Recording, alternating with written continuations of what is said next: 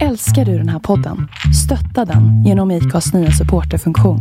Det är helt upp till dig hur mycket du vill bidra med och det finns ingen bindningstid. Klicka på länken i poddbeskrivningen för att visa din uppskattning och stötta podden. Ryan Reynolds here from Mint Mobile. With the price of just about everything going up during inflation, we thought we'd bring our prices down. So to help us, we brought in a reverse auctioneer, which is apparently a thing. Mint Mobile unlimited premium wireless. Ready to get 30, 30, bit to get 30, bit to get 20, 20, 20, bit to get 20, 20, bit to get 15, 15, 15, 15 just 15 bucks a month. So, Give it a try at mintmobile.com slash switch. $45 upfront for three months plus taxes and fees. Promo rate for new customers for limited time. Unlimited more than 40 gigabytes per month. Slows. Full terms at mintmobile.com. Detta avsnitt av Vi måste prata presenteras i samarbete med Pelle Friends på Åsgatan 18 i Falun. Där kan du bland annat köpa Muminporslin från Arabia, glas från Orrefors Kosta Boda och kläder från Pelle P. Och du, det är alltid 4 för 3 på allt. Läs mer på pellefriends.se. Jo, jag sitter och eh, typ stalkar dig på Facebook nu för att jag hittade dig på Spotify när jag skulle leta efter en podd med dig på Spotify. ja, det är rätt. Ja, precis. Och, och det visar sig att du är rockstjärna också. Ja, precis. Eller hur? Ja, det, det, jag har hållit på med musik. Absolut. Jag har gjort Och mycket. då, roligt. ly- då lyssnar jag på en låt som handlar om ett lag som eh, går upp och ner i divisioner och att det egentligen inte spelar någon större roll för kärleken. Och då tänkte jag direkt att du var gaisare. Men jävla vad fel jag hade! då hade du helt fel, Emil. Jag är öjsare. Superöjsare. Ja. Det är ju jätteroligt. Eh, För jag är lite smyggaisare. Nej, men det här kan ju bli hur spännande som helst ju. Ja. Spänstigt. Ja, Vilken jävla ingång. ja osannolikt ju. Ja, men precis. Ja. Nej, ÖIS har skrivit många låtar till genom åren. Ja, Local Team var det väl du hörde då kan jag ja gissa. precis. Ja, ja. eh, som, sådär, jag är smyggaisare, men jag är ju läxing. Så jag kan ju identifiera mig med det där upp och ner och, och så. Ja, precis. Gaisarna kan ju bara identifiera sig med nedgången. Så att det, det, det, men Leksand kanske studsar lite i alla fall. Jag har Ja. faktiskt sett Gais spela oavgjort mot IFK en gång. Är det sant? Ja, där, derbyt 2000 på gamla eller nya Ullevi, jag har ingen aning. Den stora. ja, det vet inte jag heller vilken som... Ja, Ullevi Stadium tror jag den heter nu. Ja. Så har vi gamla Ja. Ullevi som är den nya Ullevi. Ja. Ja, det är, mm, det är Det är väldigt göteborgskt. Och så fick Sture Allén typ 1,5 miljoner för att ta fram det. ja, det är faktiskt genialt alltså. Ja, måste han ju varit nöjd med. Han måste ju glömt det och sen så bara på morgonen. Nu måste papperna in här liksom. ja, Bara- det är nog vanligare än man tror. Men vad roligt. Jag har inte fått grepp eh, för podden. är är liksom, eh, det, det, vissa sportprofiler ibland så är det, är det liksom tjätrövare och det är, det är roligt liksom. Eh, Men, men, det är, men det är sporten som är grunden eller? Nej, det är min ursäkt för att ringa upp folk som jag tycker är frän och låna deras hjärna i en timme eller två. Mhm. Ja, ja. ja, det är jättekul. Men den startade förra året, förstod jag. Ja, eh, förra året och de fem första avsnitten körde vi med video. Eh, Det var ganska, ganska, eh, vad ska jag säga, ganska ambitiös produktion. Sen kom corona och då ville ingen träffas och spela in video. Så då var det det här, en liten poddstudio hemma och det här är faktiskt mycket smidigare. Ja, du kan ju höja frekvensen. Ja. Tänkligt kan jag tänka. Men du, vi har, det känns ju som vi redan har börjat. Men den Mm. vi har med oss är alltså John Ahlberg och han gillar kärnkraft. Ja, det gör jag verkligen. ÖIS Och det- kärnkraft. Ja. Och det betyder ju då att du är ett stort fan av strålning och atombomber ifall man ska eh, lyssna på kärnkraftsmotståndarna. ja, verkligen. Man får nästan alltid börja där och det, är- det är trist alltså. Det gör du naturligtvis inte. Vi backar lite. Eh, vem är John? Eh, John är eh, en eh, 39-årig göteborgare som eh, är kreativ. Det har väl musiken där kanske att göra. Eh, som har varit jobbat som entreprenör på många olika sätt genom livet. Men också levt runt om eh, i, i, på jorden. Jag har varit i, i Japan i perioder och i, i Frankrike och England och liksom eh, jobbat. De senaste 10-12 åren har jag jobbat med betalningslösningar och eh, digitala IDn och, och sånt bank-ID som det heter i Sverige. Jobbat med Mm. det, liksom, spännande framtidsbranscher på, på, på många sätt. Hur man ska blippbetala, hur man ska swishbetala och sånt. Och, och som strategiansvarig där. Men sen så blev jag också väldigt förtjust i liksom hela elektrifieringsutmaningen, energifrågan här för något, eh, tre år sedan. Något. Så då så gav jag mig in i det och, och började liksom fundera på, på kan man hitta på något roligt eh, där? Och det kunde man. Men jag är en trebarnsfar från Göteborg och bor nu i Göteborg igen efter många turer runt om, eh, känns det som. Och, eh, men nu så är jag, bestämmer jag mig nog för att stanna här och med familjen och försöka att göra min insats i den här stora, stora framtiden eh, så gott jag kan. Ifrån Göteborg, helt enkelt. Och den insatsen är då att eh, opinionsbilda och marknadsföra kärnkraft. Ja, precis. Snarare det sista, jag på att säga. Men det blir ju en kombination av det. Um, alltså vi är ju då, Kärnfull Energi är Sveriges första elhandelsbolag som säljer bara kärnkraft helt enkelt. Och det började vi med sommaren 2019. Och sen har det dykt upp fler som, som och, och det tror jag man kan välja det från 30 olika elbolag i Sverige. Eh, något sånt här. Men eh, där och då var det ingen som hade liksom tagit, den där flaggan och sagt att kärnkraften är ju enormt bra. Alltså. Hur ska vi annars kunna ha el så att det räcker till vår elektrifierade framtid?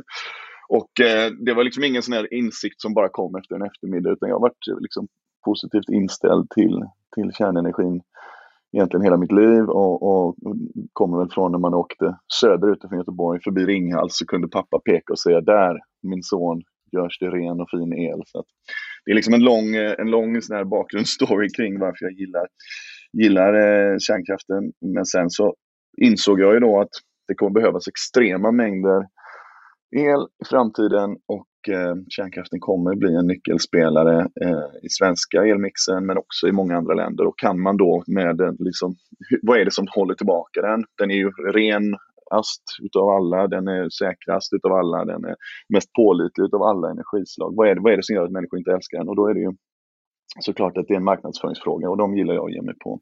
En mm. PR-fråga. Så då yeah. precis, ja, började jag helt enkelt att skapa ett varumärke. Första business consumer-varumärket inom kärnkraft i världen tror jag. och gav människor möjligheten att då på samma sätt som man väljer ursprungsmärkta elavtal från vind och sol och vatten kunde man nu då välja eh, kärnkraft. Och där, det är väl där som bollen började rulla då. Sen har det hänt väldigt mycket med det sen dess. Men Isabella Lövin har ju sagt att kärnkraft är dyr, föråldrad och farlig. Har hon fel då menar du? Ja, det, det, får man ju verkligen säga. Det är en sån där, eh, politiken i, kring detta är ju patetisk måste jag säga och någonting som vi håller oss väldigt långt ifrån. Eh, alltså det, det, vi är inte politiska på något sätt, det finns det andra som, som är. Utan vi, vi håller oss väldigt bara forskningstroget kring frågan och eh, eh tekniskt eh, intresserade istället. Eh, politiker säger ju saker, de har fyra års intervall på sig och försöker imponera och, och få lite höga röster. och sen så hoppas de att de blir nyvalda. Och det, blir, det funkar väl bra i vissa frågor kanske, men just när det gäller ett lands hållbara, långsiktiga elektrifiering så, så, så är det liksom inte svängiga eh, bluffar som, som hjälper, hjälper oss framåt. Och det, det är väl typ exempel på det skulle jag vilja säga. Eh, den är varken föråldrad eller dyr. Så. Det där, jag vill stanna upp med när du säger fyraårsperioder. Mm. Jag tror att det kanske är det största problemet för problematiken du beskriver när det gäller kärnkraften, att den behöver ett långsiktigt tänk, den går ju egentligen att applicera på allting som är viktigt. Mm. Alltså försvar, brottsbekämpning, sjukvård, utbildning. Det är ingenting du, ingen oljetanker du drar en handbromsvändning på och löser på fyra år, utan där måste du jobba långsiktigt.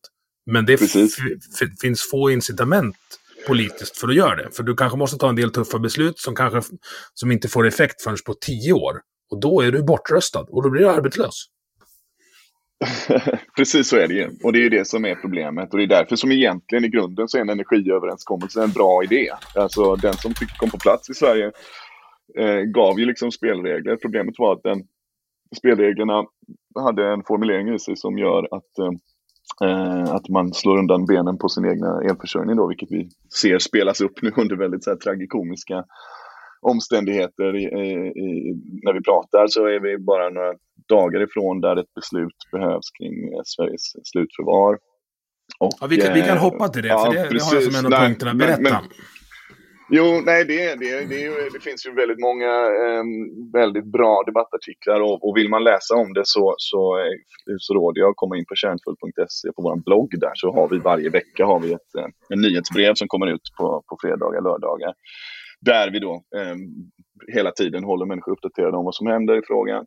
Eh, det är ju den 31 augusti så har våra elproducenter eh, i Sverige då som gör kärnkraften, Vattenfall, Fortum, eh, Juniper har, har liksom sagt att vi måste få besked nu. Ni har i 40 år försökt att, att, att hitta sätt att, att förvilla den här frågan som egentligen är ganska enkel och som finnarna har fattat beslut om och som, som är ett system. Vad gör vi? Alltså i och med att vi då inte ännu har nått den resa som, som jag vill att Kärnfull ska hjälpa till att ta oss till där vi börjar återvinna det här kärnbränslet som vi bara använt lite grann av då. Man går in i den här som kallas fjärde generationens kärnkraft.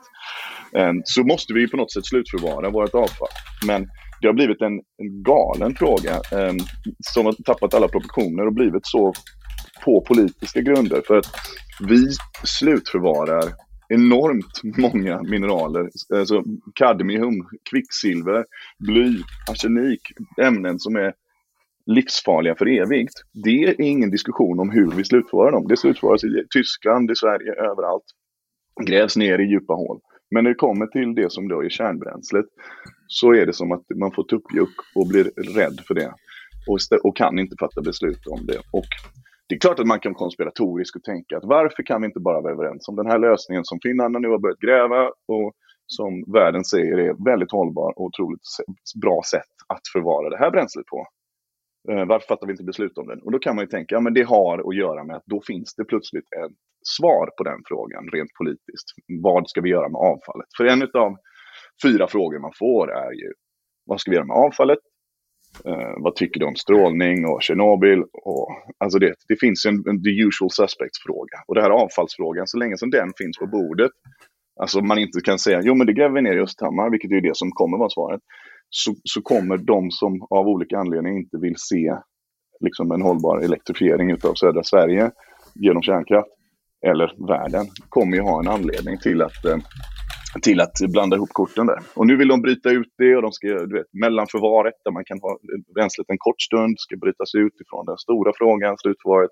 Och det är liksom inte, det är ingenting man gör kvart i tolv. Och nu så, så avgick väl även vår statsminister såg jag. Så vi får väl se vad som händer. Men de behöver ett beslut. Men det, det är liksom politiken kring kärnkraften är helt knäpp. Jag som inte ens är politiskt intresserad i grunden blir, börjar bli sådär vad håller ni på med? Um, fatta ett beslut och, och, och own it. Um, för, det, för att det här är, om vi inte får besluten nu, så kommer det då, då börjar man det sluttande planet där vi kommer stänga ner Forsmark 2. Alltså, nu finns det sex reaktorer kvar i Sverige.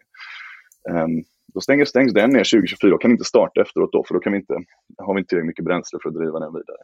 Och sen så 2025 så kommer vi även behöva stänga resterande svensk kärnkraft. Och då är det liksom ingen fråga om, om, om eh, kan jag ha eh, vet, vindkraftsmärkt el eller sånt där. Vi kommer inte ha någon el. Alltså, I södra Sverige kommer det inte finnas en elproduktion och den el, det innebär att landet kommer slockna 2025 om vi inte får ett beslut kring, kring detta. Då. Så därför så är det ju det är ju liksom att dra det och det låter bara tokigt när man säger det, men det är så himla knäppt. För om man tittar på hur det svenska elsystemet mår nu 2021, där vi har härligt med vattenkraft i norr och vi har vindkraft som, som, som levererar när, den, när det blåser. Och i, runt om i, framförallt i norr men även mer i södra Sverige. Och så har vi sex reaktorer kvar, kärnkraftsreaktorer, alltså som då i svensk, svensk kärnkraft är den renaste utsläppsmässigt i världen 2,5 gram koldioxid per kilowattimme om man pratar om utsläppen. Hur, hur relaterar det till andra energislag då? Alltså, ja, 2,5 är överlägset minst. Eh, sen så ligger ju, alltså sol är ganska hög för att vara bra. Allting som är under 50 gram är egentligen inga problem med. Alltså är du under 50 gram så, så kan du bygga ett, ett rent elnät. Och där ligger då, jag tror solkraften ligger runt 40 gram och vindkraften ligger runt 14, vattenkraften ligger runt 9 ungefär. Och sen så då kärnkraften ligger på 2,5 gram. Så det är ju liksom den som har lägst utsläpp. Sen så om du går ut och tittar eh, genomsnitt över världen, då ligger kärnkraften runt 12 gram och då ligger vindkraften runt 12 gram och då så ligger vattenkraften eh, runt 15 gram. Det, allting, det är liksom livscykelsanalyser och det låter tråkigt att prata om det. Men då tittar man på från första byggdagen till när vi, när vi slutförvarar eh, vindkraftsvingen eller vad det liksom kärnbränslet. Hur mycket utsläpp drar det ihop? Och så gör man de här vikterna. Och de är, de är, de är liksom, så länge som det är under 50 så är det bra el. För att problemet är att kolkraften ligger på närmare 1000 gram. Och mm. den här förhatliga naturgasen då som, som, som säljs nu då som hela Tyskland ska drivas på när det inte blåser eller soligt. Den är, liksom, den är på 490 gram. Alltså, det är nästan 500 gram koldioxid per kilowattimme.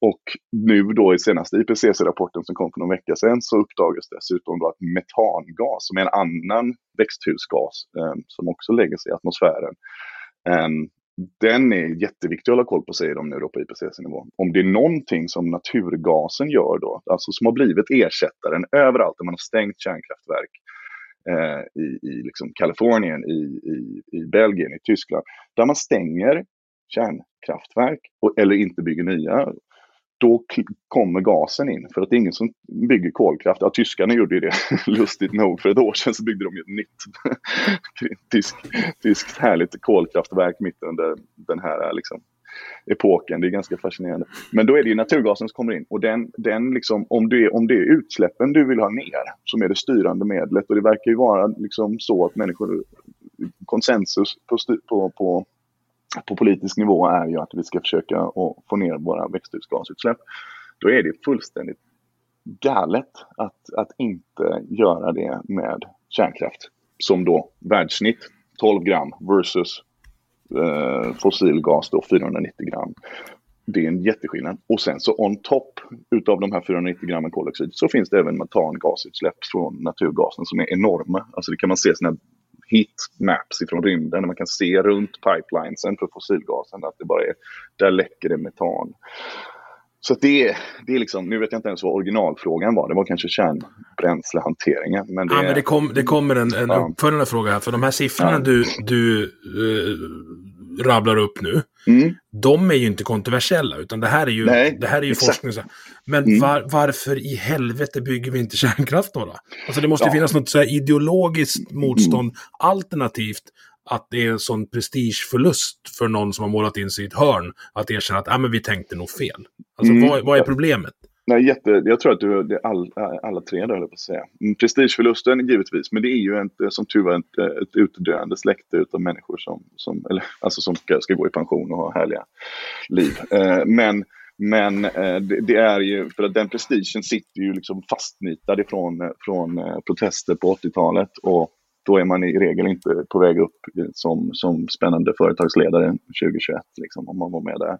Men Ehm, det som är den stora anledningen till varför det inte har byggts såklart. Det, jag tror att om, om inte eh, Tohoku-jordbävningen i Japan 2011 hade inträffat och 12 meters tsunamivågen hade slått in över en rad eh, kärnkraftverk och bara ett av dem fick ett haveri så hade vi nog fått se den renässansen Ehm, där någonstans 2011 och vi hade haft en betydligt större chans att nå alla de här målen. Men det var ju den, den jordbävningen, det var den fjärde största jordbävningen som har uppmätts på, på jordens eh, yta. Och den fick ju fruktansvärda konsekvenser. Dels människor som dog i, i tsunami, men om man zoomar ut på världen så, så, så tar den ju 20 000 liv även i Tyskland i form av de ökade gaspartikelutsläppen utav fossil eh, energi till exempel. Alltså det är, så, det är så många tråkiga, fruktansvärda konsekvenser utav den tsunamin som tyvärr ställer till det. Men, men ja, så där hade vi nog redan börjat bygga.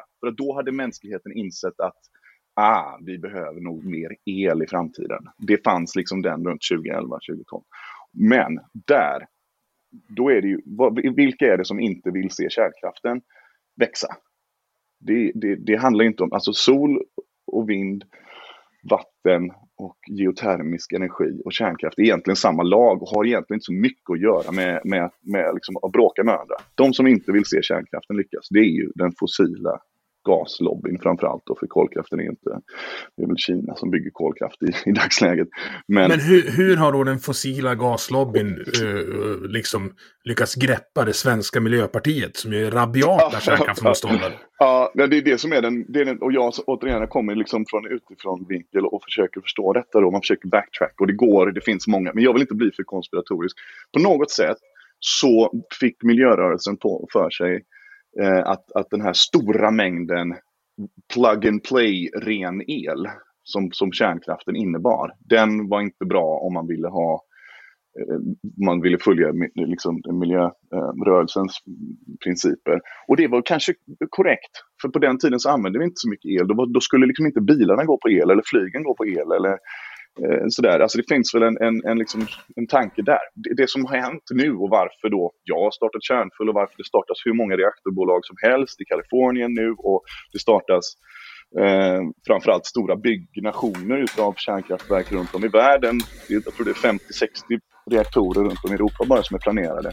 Det är ju kombinationen av att man har insett att oj, den är inte så farlig som vi kanske fick för oss oj, vi behöver enorma mängder el i framtiden. För nu ska ju liksom, elektrifieringen är ju en omställning av energiförbrukningen. Energiförbrukningen i ett land, är, är, där har det ju liksom eh, många delar. Där elen är en del av det. Sen så har du transportsektorn och du har industrin och du har eh, liksom eh, eh Eh, ja, vad är det, De, eh, jordbruk och etc. Så du, du har liksom en energikaka och så mycket som möjligt av den behöver elektrifieras. Bilarna är det logiska. Vi ska ställa om bilarna till eldrift. Då försvinner ju eh, eh fossila bränslen bort ifrån våra gator och vi får renare luft. Och vi får eh, liksom, eh, många fördelar med eltransporter. El, el, Sen så har du flyg och du har shipping och du har etc. etc. Och, det, och överallt så behövs det el. Så nu då. jag tror dels så människor som är dogmatiskt emot kärnkraft har inte lika tunga positioner längre. Det är nog de sista, sista liksom, dinosaurierna vi ser nu. Vice statsminister är ganska tung position ändå. Ja, precis. Men det, jag tänker att det, är, det, det, det är klart, eh, alltså det, så, så borde det inte få vara. Men eh, ja, men dogmerna tror jag ändå håller på att dö ut. Alltså du har, en, du har liksom en, en ung generation, du vet, födda på 2000-talet, som, som gillar att ta till sig utav, liksom bara kan fråga Alexa. Du vet, man kan få fakta till sig ganska snabbt och mm. data. Och så därför så vill jag tro att det blir en mer upplyst generation utav, utav uh, företagsledare etc. Sen har du en jätteutmaning, du behöver öka elen och du behöver göra det tillsammans med eh, elproduktion som inte är pålitlig. Alltså som, har, som svänger efter hur solen går och vinden går. Och du behöver ladda extrema mängder batterier framöver. För att batterier kommer ju behövas oavsett om man har kärnkraft eller inte i all mängd vi kan. För de ska in i den här transportsektorn. Så du behöver ladda batterier i enorma mängder och du behöver göra det på ett sätt som inte beror på vädret ja, då är liksom kärnkraften med sina pyttelåga utsläpp och sin, sin liksom jättepålitliga eh, output ett väldigt bra sätt att göra det. Och det är därför som Bill Gates och, och liksom, eh, eh Elon Musk var ute och hyllade kärnkraften alldeles nyss också. Alltså, det, det, det är det är väldigt få skulle jag vilja säga. För att nu också, när jag började bara med detta 2018, då fanns det liksom inte så jättestora institutioner som man kunde förlita sig på när det handlade om att få se ett stöd för det. Bara i år har vi fått från, eh, från EU-kommissionens forskningsteam, då JRC, jättetydligt, bara kärnkraften är jätteviktig och den är inte farlig.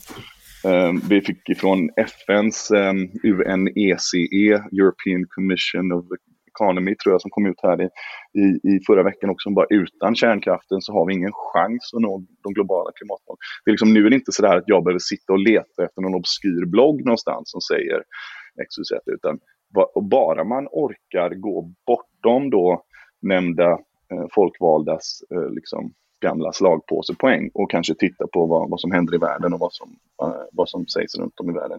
Så är det ganska tydligt att vi har en, en kärnkraftsrenässans. Och den, är liksom inte, den sker inte isolerat. Den är en del av en jättetillväxt i, i, i, utav all eh, liksom, mer eller mindre ren elproduktion. Um, och det som man vill motverka det är ju det som kallas uh, den planerbara delen, dispatchable energy. Den planerbara delen utav vår elförsörjning är jätteviktig. Baseload pratar man om baskraften. Den kan antingen vara kärnkraft eller så blir den fossil. Det är liksom inte... Och, och, och då så säger vissa då... Men vattnet kan inte vara med där eller? Självklart. Vattnet ja. är en underbar, eh, både reglerkraft och baskraft. Men, och det som är problemet är att man måste välja vilken roll den ska spela i elsystemet. Och den går inte heller att bygga ut. Men länder som Sverige, Norge, du vet Costa Rica, där det finns goda förutsättningar för vattenkraft. De, vi ska ju göra det på det sätt som är hållbart biologiskt sett. Och biologisk mångfald är ju också en nyckelfråga. För, för, men vi ska ha så mycket vattenkraft som man kan hålla eh, liksom, som, som är hållbart i landet. Du slängde, Men, du slängde det med lite fackuttryck där som, jag inte, som, ja, som, som, inte jag fattar. Ja. Baskraft versus reglerkraft. Mm, Berätta. Precis. Ja, det är precis vad det låter som. Ett, eh, ett, eh, för att få ett elsystem att fungera så måste du i varje given sekund ha eh, effekt. Mm. Du måste, och du måste hålla en frekvens. Och den frekvensen ska ligga på 50 hela tiden då. Och det, det, kan man gå in och titta på om man, tycker, om man är nördig kan man gå in och titta på hur det går för Sverige där. Liksom. Den, den, det, det, är, det finns på Svenska kraftnäts hemsida. För om Men, den frekvensen börjar fluktuera för mycket så, så blir det skadligt? Ja, då, då, då skiter det sig helt enkelt. Um, det, hur skiter det sig? Nej, men det, alltså det, det, det är Svenska kraftnät och det är precis det här som är det stora problemet med svensk elförsörjning nu. Redan i dagsläget, på grund av att vi har plockat bort sex stycken reaktorer på ganska kort sikt i södra Sverige, så får nu, har liksom Svensk kraftnäts motsvarighet till Homer Simpsons jobb och bara sitta och titta på grejer, har gått ifrån det här väldigt enkelt, bara stabilt. Kärnkraften i söder går för max, vattenkraften i norr balanserar efter efterfrågan. Så här mycket el använder svenskarna nu. Ja, då får vi öppna dammarna lite mer och nu så använder de mindre och kan vi spara i dammarna. Kärnkraften ligger där som baskraften i botten. Och då nu är vattenkraften man... det man reglerar? Alltså, Precis. Vattenkraften är ditt, eh, om man ska överföra det till privatekonomiska termer så är vattenkraften ditt buffertkonto, kan man säga så? Ja, kan man göra. Alltså det är precis det det handlar om. Och så, när, så, så, så sparar man upp då när vårfloden eh, kommer och så kan man köra det när det behövs. Problemet är ju att vi har fått, alltså, vi har fått in vindkraften i systemet nu som nästan är på en 17 procent på årsbasis. Då, och den kräver ju då uppenbarligen mycket ryckigare reglering. För då har du inte bara efter hur mycket människor konsumerar el för stunden utan också hur mycket det blåser. För vattenkraften att hantera alltså. För vattenkraften är ju den som får följa med på den här berg och dalbanan då när det börjar blåsa och när det inte börjar blåsa. Så, att, och, så där finns det ju liksom en, en aspekt till som har gjort det här kontrollrumsjobbet tuffare för de som sitter då på Svenska kraftnät och ska försöka hålla igång lamporna runt om i Sverige.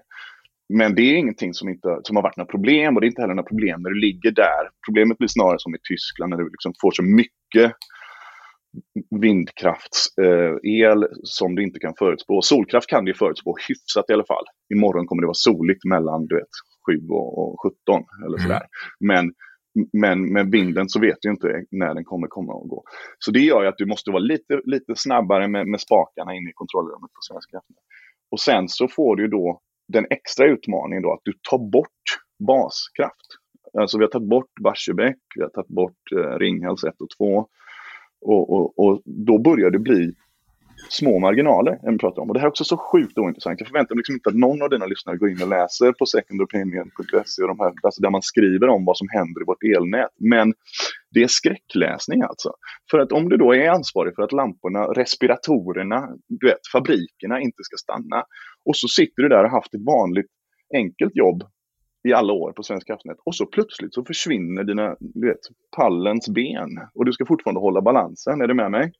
Ja. Och, då, och, så blir det svårt, det börjar blåsa, spelar roll också. Och sen så kanske det kommer in sol. Och så, så då får man agera med minskande marginaler i elsystemet. Och då är det då man ser som de får panikupphandla fossil. Så de, de gjorde det här RIA-verket till exempel i Göteborg. Fick Svenska kraftnät gå in och bara oj, oj, oj, oj, oj, kan ni vara beredda att starta RIA-verket? Liksom? när, när, så fort som, som vi kanske får problem i elsystemet. Och det är, alltså historiskt sett så har kärnkraften, för i Sverige är vi väldigt duktiga också på att drifta vår kärnkraft på ett, ett, ett hållbart sätt igen då, vilket gör att på somrarna så har vi tagit hand om reaktorerna, låtit dem gå ner och, och servas och du vet, det har inte varit några problem för vi har haft mycket kärnkraft och vi har haft våran eh, vattenkraft och kunnat köra den eh, när det behövs.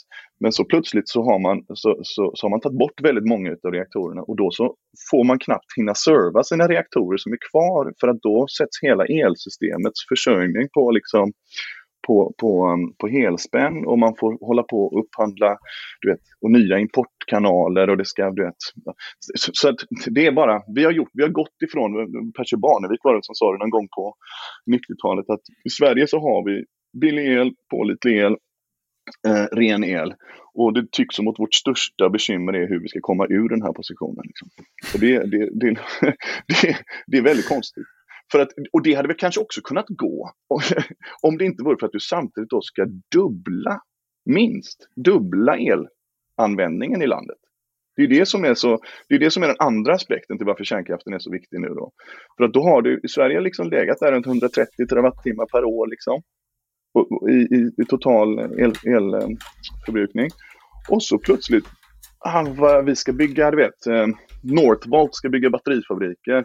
Vi ska ha Hybrid ska göra eh, stål på, på liksom, eh, vätgas som framställs av elektrolyser som går på el. Vi ska göra alla de här fantastiskt coola, tekniskt utmanande, spännande sakerna som ska ske i Sverige samtidigt som alla bilar ska gå på el. Och vi blir fler människor och vi bor fler i södra Sverige. Så det är liksom, då kommer vi då enligt de senaste scenarierna gå, gå mot en fördubbling, 260 terawattimmar per år. Och den elen, den kommer inte bara komma ifrån väder eller ifrån du vet, sammankopplingar med andra länder. Eller, det, är liksom, det är helt ohållbart att tro att vi skulle möta en sån eh, utmaning utan, eh, utan kärnenergin. Eh, och det har ju också gjorts massor med studier på detta och de visar ju då liksom, Princetons uh, Jesse Jenkins var det som var inne och, och, hjälpte till att modellera efter svenska villkor ganska nyss då. Nej men den optimala, för man pratar då, okej, okay, vi vill alla ha ett fossilfritt elsystem. Uh, det har vi redan. Så då har man lagt in i energiöverenskommelsen att det ska vara ett förnybart elsystem och det är det som är problemet. Egentligen skulle det räcka att byta det ordet så skulle eh, energiöverenskommelsen från 2016 fungerar alldeles utmärkt. För då hade vi, och det vet ju vi, för vi jobbar ju med investerare.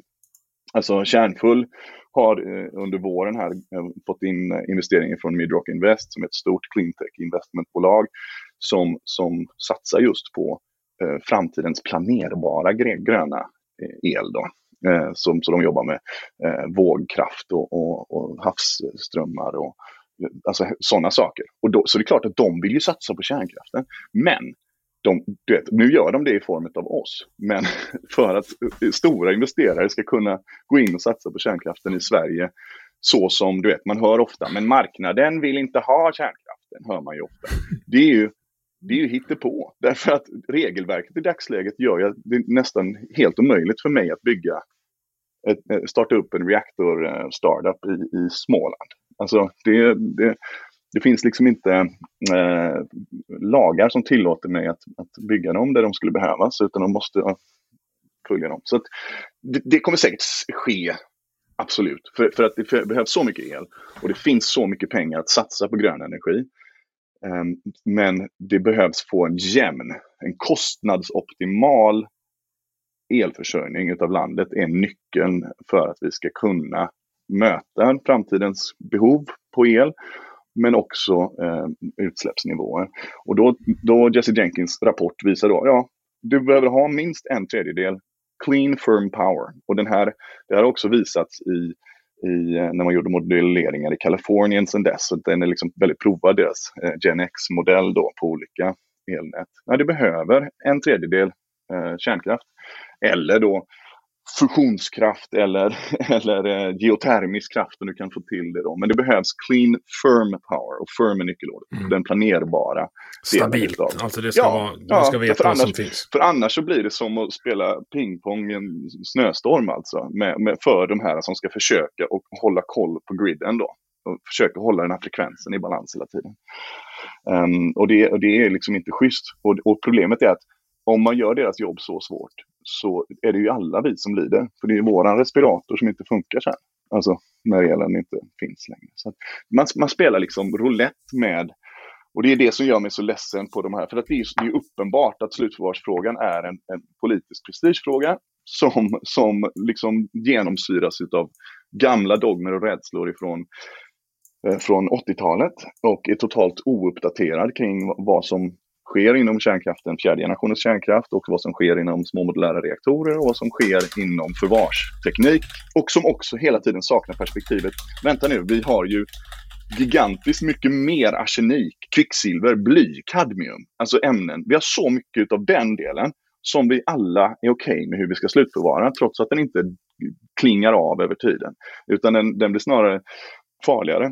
Men sen så har vi så här pyttelite, för att det är det som är grejen. Kärnavfallet är ju världens mest odramatiska sak egentligen. Det finns väldigt lite sett till hur mycket el vi har fått ut av det sedan liksom 70-talet. Uh, eh, jag tror det är 7000 ton nu då, som liksom låter mycket. Men om du skulle säga att det är liksom hög vikt, mm. eh, densitet. Så det är, det är en simbassäng liksom. Det ska placeras någonstans i, i, i volym i urberget. Och det vet vi vi gör. Och vi gör det med massa andra saker. Men här har det låst sig. Och då är det sådär, vi kan inte hålla på och leka liksom rysk roulette med hela Sveriges framtida elförsörjning. Och, och elproducenterna, de har liksom inget egenintresse av att säga, ja, ah, får vi inte beskedet nu så, så, så, så kan inte vi göra, producera el 2024, 2025. Det är liksom, man har framförhållning och där är vi tillbaka igen till vi börjar prata om det här med fyraårscykler för politiker. Ja. Alltså det är ju inte, det här är liksom ingenting du fattar beslut om på en tisdag och sen så kan du ändra dig på torsdagen. Liksom. Utan du måste ge, du måste ta tiden och det har man gjort i slutförvarsfrågan hur mycket tid som helst. Man Men... har fått svar på allt och nu är det bara så här, säg ja så vi kan komma vidare i den här grejen och så vi kan se till att vi även kan ha el 2024 och framåt. Ja, och min analys är att det är ju inte något av de, av de stora partierna som bromsar, utan det är ju Miljöpartiet som bromsar det här. Men frå, ja. frågan, frågan är då var, varför, ja men, ja men säg Moderaterna, eller här, oppositionen nu. Varför plockar inte de in någon som dig, eller någon som kan lika mycket som dig, och säger det här? Alltså de som Oj, ska vinna varenda många... jävla val. Alltså, jag, det är för du, så här, du applicerar ju logik och forskning och presenterar en lösning på ett problem. Som vi har. Ett jävla ja. farligt problem. Varför kan inte politiker göra det? Jag blir så jävla förbannad. Nej, men det, det, någonstans kan jag hålla med dig. Återigen, jag är så trött och ointresserad av den politiska diskursen generellt. Men det som jag, det som jag plockar upp är ju att eh, Miljöpartiet är ju fundamentalt emot allt som har med kärnkraft att göra, fast de försöker smörja in det i någon slags marknadstänk plötsligt då. Men sossarna verkar ju inte vara beredda att säga någonting i dagsläget. Men det är väl i grunden, det är de som har gett oss den fina energiförsörjning som vi har i landet. Och det finns ju ett superbra klipp på Stefan Löfven när han pratar ja, om kärnkraft. Som, som är liksom, bara, säg så, då hade jag röstat ja. på dig. Han blir, säkert, eh, han blir säkert kund hos Kärnfull nu när han slutar som statsminister. Det skulle inte förvåna mig. Bra. In. du, ska Nej, ha, men... du, skulle, du skulle värva en som någon slags talesperson. Ja, vi har ju en advisory board. Jag satt faktiskt och lekte med den tanken. Men vi har inga politiska spelare där på. Men vi har ju rätt roliga, liksom, stora namn där. Men det för att ja, skitsamma. Eh, sen så alla, alla partier till höger om Liberalerna, och Liberalerna är väl nästan mest kärnkraftspositivet av alla, eh, är väldigt förståndiga och försöker slå på så mycket trummor som de kan. Men det som gör mig ledsen är att egentligen, och, och troligtvis, Emil, så kommer vi vara så trötta på kärnkraftsfrågan till valet 2022. För att det finns liksom ingen större fråga att prata om. Jag såg nu Novus nya undersökning, hade energifrågan gått upp du vet, med 5 procentenheter, var uppe mm. på topp 10 plötsligt. Det har aldrig varit intressant eh, att prata om, därför att den har alltid funnits där. Det är som att prata om att det finns luft eller wifi liksom. Men nu så är det nu så är det, nu så är det plötsligt, uh -oh. Ja, så den, så det, och det kommer, och, och fortsätter med den här eh, liksom riktningen, tangentens riktning här, så kommer vi ju inte kunna prata om någonting annat. För att den stunden vi har el på dygnet så behöver vi prata om att vi inte har el resten av dygnet. Alltså, det är ju in absurdum då, men, men någonstans kommer det ju bli en väldigt viktig valfråga. Och jag tror att Miljöpartiet, in, de vill ju inte vara det partiet som gav godkänt i slutförvaret. Alltså förstår du vad jag menar? Det, det, det är väldigt ironiskt hamnat hos, eh, hos eh, Per Bolunds knä att fatta beslut om att Sverige går vidare med sitt slutförvar. Och han vill inte vara den som sätter siffran eller namnet därpå. För att de ska ju kunna agitera på EU-nivå som de gör. Och, och, och, och kunna säga att förvaret är inte, finns inte. Ehm, men, men om de själva har sagt ja till det i Sverige så blir det väl svårare. Så det handlar om politisk prestige och då är man beredd att sätta allt. Men nu på torsdag denna veckan så kommer det vara i regeringen kommer det vara väldigt intressant att se vad som händer. För då kommer alla guns out blazing tror jag från alla partier och försöka att förklara detta. Är det, är det en debatt på torsdag? Jag ska Ja, försöka få ut precis. det. Det här Ja. spelas alltså in eh, tisdag den 24 och kommer publiceras tisdag den 24. Ja, Eh, ja, vi, det är... kan ju vara dagsaktuella med allt. Ja, men problem, alltså så här, det är en vecka bort innan beslutet måste tas. Sista augusti Ja. måste det här bestämmas. Ja, alltså, det, det, det, jag har väldigt svårt att se att, att, att, eh, att de inte fattar ett beslut på torsdag helt enkelt. För då är, då är, vi, då är det då är, det, då är det problematiskt. Sen så, jag menar, och då frågar människor så här, ja men då kan jag inte välja kärnfull energis fantastiskt billiga och trevliga elavtal. För att ni kommer inte ha någon kärnkraft att sälja till mig, eller hur? 2024 då, etc. För det första har vi inga bindningstider, så du kan ju lämna när du vill.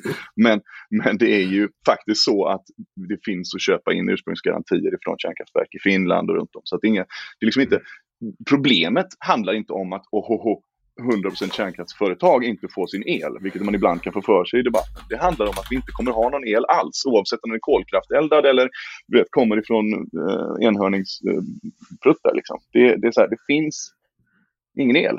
Eh, och du kan sitta där med ditt eh, du vet, nya Ikea elavtal, liksom, sol, hur mycket du vill. Eh, men det finns ingen el i, i kontakterna. Och det är, det, det, det, det är liksom det som är i förlängningen problemet. Och det finns så mycket, om ni bara vill läsa om det här från folk som är, som är betydligt skickligare och mer pålästa än mig, så, så på Twitter till exempel finns det en herre som heter Simon Vakter, som inte nog kan rekommendera er att följa, och hans trådar då nu i veckan om just avfallet. Jag har räknat upp Ja. 38 punkter. det var. Fantastiskt. Jag får län- länka han den är- till, till i Han, han, avsnittsbeskrivningen. han, är, eh, han är så skicklig va. Och även Daniel Westlén som är hos jag tror, Liberalerna tror jag, eller Vattenfall, han har eh, också gjort nu en, en sån. Och, och där finns ju folkbildningen. Och, och du vet, sådana som mig som får förmånen att prata med sådana som dig, vi, vi kan ju egentligen bara förmedla det som antingen forskare säger eller som systemtekniker säger eller som ingenjörer säger och sen så försöka förklara det så att, eh, så att, så att man själv förstår, jag på säga. Eh, för jag är inte utvecklad, ut, utvecklad utbildad kärnfysiker på något sätt. Utan jag är en vanlig människa som, som gillar framtiden. Hur mycket av den här eh, inställningen till kärnkraften från, från våra nuvarande politiker är Tage Danielssons fel? ja, det är en jättebra fråga. Vad är vad alltså, i hela den här sörjan? För det är jag vill egentligen gå tillbaka till det vi var förut. För att, du sa då, då har vi alltså en fossillobby. Och den är ju alltså varje år, det, kan, det finns till exempel en Gas Alert Twitterkonto som, som, som, som en bot som hämtar alla möten som gaslobbyister och fossillobbyister tar på EU-kommissionnivå. Och de har Alltså- ganska bra budget för sitt Oh! arbete. Vi snackar hundratals miljoner varje år som de berättar för EU-kommissionen att kärnkraften är farlig. Kärnkraften är farlig. Det är egentligen det enda budskapet de kommer med. Och, och, och sen så, och, och då så, trots det så gick då EU-kommissionens forskningscentrum eh, ut i år med en sån raging review, bara sa att kärnkraften är fantastiskt ofarlig och härlig och viktig. Um, så det var ju, de, de är nog ledsna med sina fossilbudgetar eh, just nu. Men det intressanta är ju då att, att någon gång på 80-talet, Sierra Club, så det är längre tillbaka i tiden, miljörörelser fick in funding ifrån um, från, från Koch Brothers och sådana här fossilindustri för att starta sina natur, liksom motsvarande naturskyddsförening. På något sätt så blev det det viktiga var att, att inte att ehm, eh, värna naturen och miljön. Det viktiga blev för vissa miljörörelser att vara arga på kärnkraften då, utan att egentligen screena varför man blev det. Och det går ju liksom såklart att spekulera kring om det har någonting att göra med finansiering och sånt. Men, men nu handlar det ju inte om det. Utan nu, Greenpeace är ju liksom Greenpeace är en jättestor organisation, jätteviktig i frågor runt om i världen och alltid tillförande. Men de bygger ju sin verksamhet på ett, ett kärnkraftsförakt. Och det det, det, att göra upp med det, är inte liksom, det, då förfaller ju jättemycket av deras affärsmodell och säkert funding och de som är liksom eh, som rör sig om dem. Men, men, så de är ju till och med så knasiga att i Tyskland så har, har Greenpeace ett eget el elhandelsbolag likt så som jag har kärnfull i, i Sverige då. Där de säljer fossil gas under namnet Greenpeace Pro Vegan Gas någonting. Ja, det är så knasigt namn alltså.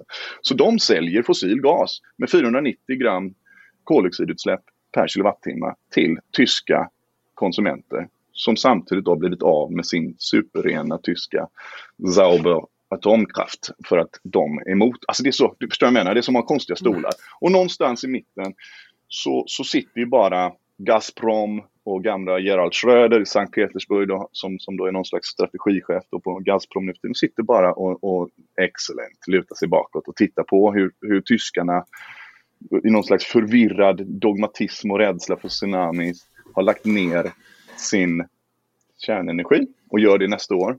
Och då plötsligt inser att fasiken, solen går ju upp och ner ja, och vinden kommer lite när den vill. Och okej, okay, nu behöver vi något. Och då säger Putin bara Nord Stream 2. Och så bygger han en liten skön gasledning in i Tyskland. Och så säger tyskarna och svenskarna och danskarna säger ja till att han får dra den och jänkarna blir ledsna. Och nu så är den då snart byggfärdig, eller startfärdig då, Nord Stream 2. Och kommer med sin härliga gas som då när den väl sipprar ut i Tysklands elnät plockas upp av Greenpeace och säljs under namnet Pro Vegan Gas. Och det är så, det är så man blir så, man blir det är bisarrt. Det... Man blir så matt och ledsen och, och bara så här, för att, för att om man då jag tror att ett stort problem som miljörörelsen har i den mån är att, att om de vill att människor ska lyssna på, på, på forskningen och IPCC etc. Så kan man inte kombinera det med, med sådana här dummerier. För då, då, då, då blir det bara pajaskastning av det. Du kan inte både vara rädd om, att, om miljön, naturen, biologisk mångfald och att få ner utsläppsnivåer och samtidigt vara emot kärnkraften då som har minst markyta använd, minst materialmängd använd, eh, tillåter liksom naturen att, att, bara breda ut sig. Som bara och släpper som, ut vattenånga. Som, som släpper ut vattenånga, precis. Och, du vet, det är så, du, du kan, you can't have both. Och jag tror att en stor nyckel till att låsa upp, och det ser vi faktiskt i USA nu, eh, sen, sen Joe Biden blev president, så har du sett bipartisan agreements. Och de börjar nästan alltid mellan att republikaner och demokrater är överens om kärnkraften. Och man lägger liksom eh, stora satsningar i, i höstbudgeten på, på nya spännande små reaktorer. Och det gör man hand i hand över de politiska gränserna. Och det är så, eh, du vet, för att då kan man plötsligt vara överens om någonting. Och det ska man inte underskatta. Så, så kärnkraften borde kunna vara det är liksom, man kanske behöver döpa om den till mineralkraft istället. Nej, men du, säger, du säger ju det. Alltså förmodligen är ju sossarna, moderaterna och sverigedemokraterna helt överens om det här. Ja, ja, herregud. Alltså, ja, bara, alltså... bara skriv ett avtal och sen bara de här små partierna, nu får vi cirkulera som satelliter runt oss. Men det här är det viktiga. Det här är ja. vi överens om. Det här, nu skriver vi ett 50-årsavtal på det här och så börjar vi bygga ja. idag. Mm. Jag vill återkoppla till det där problemet du har med miljörörelsen. Och eh, mm, nu kan ja, det vara så det att... Det låter så dumt om jag ska ha ett problem med miljörörelsen. Det har jag inte. Men jag är, jag, jag är ledsen att... att men jag att, har att problem med miljörörelsen. För min, miljörörelsen består av folk som tycker att miljö verkar vara en bra idé, men som aldrig någonsin har varit i den. Som mm. springer omkring uh, och dricker ja. kaffe latte och aldrig har haft kontakt mellan sina fina, fina fjällrävenskor och ett barr. Nej, men så, det, det, det, kan jag faktiskt dela. För att om det är någonting som Kärnfull, då, om vi pratar elhandelsverksamheten, har gett oss så är det en insikt just i hur människor som lever ute i, i landet, i Malung, i, i, i omkring Piteå etc. ser på det som sker. Bara liksom vi, vi, vi har förmånen att, att elektrifiera tusentals och tusentals hem och företag. Och klart att det är stora i städerna också, men vi ser att vi är väldigt populära eh, ute och framförallt där man då ser konsekvenserna utav, eh, utav den rådande strategin. Då, liksom, eh, smälls det upp ett vindkraftverk så sjunker huspriserna radikalt. Eller, alltså du vet, det blir så här, det, det, och det, det ger oss ett, ett tvärsnitt, för det är väldigt många som ringer oss och det tycker vi är jätteroligt och väldigt många som chattar med oss på, vår, på kärnpunkt.se och, och, då, och då, får vi liksom, då får vi de här storiesarna till oss hela tiden som en slags outlet. Och det är ju klart, det är knasigt att det ska behöva vara ett elbolag som har blivit den. Men å andra sidan, det finns, alltså är du ledsen och upprörd över hur Sverige håller på att göra med sin rena trygga energiförsörjning och du kanske till och med har fått eh, du vet, en, eh, ett vindkraftverk som, som granne som har dratt ner ditt huspris med Ja, det var en KTH-studie här i, alldeles nyss som visar att, eh, att, att jag tror att priserna rasar med 20 procent eller vad det är för något. Alltså, Känner du att, att, att det här blev inte bra, då, är det, då kan inte, du kan vara arg på Facebook, du kan rösta på ett parti som tycker som du och sen så kan man ju byta elavtal. Och det är det som så himla många gör nu för tiden. och byter till ett elavtal som inte bidrar till instabila elpriser i du vet, södra Sverige versus norra Sverige. Det har vi sett hela sommaren när folkutgången.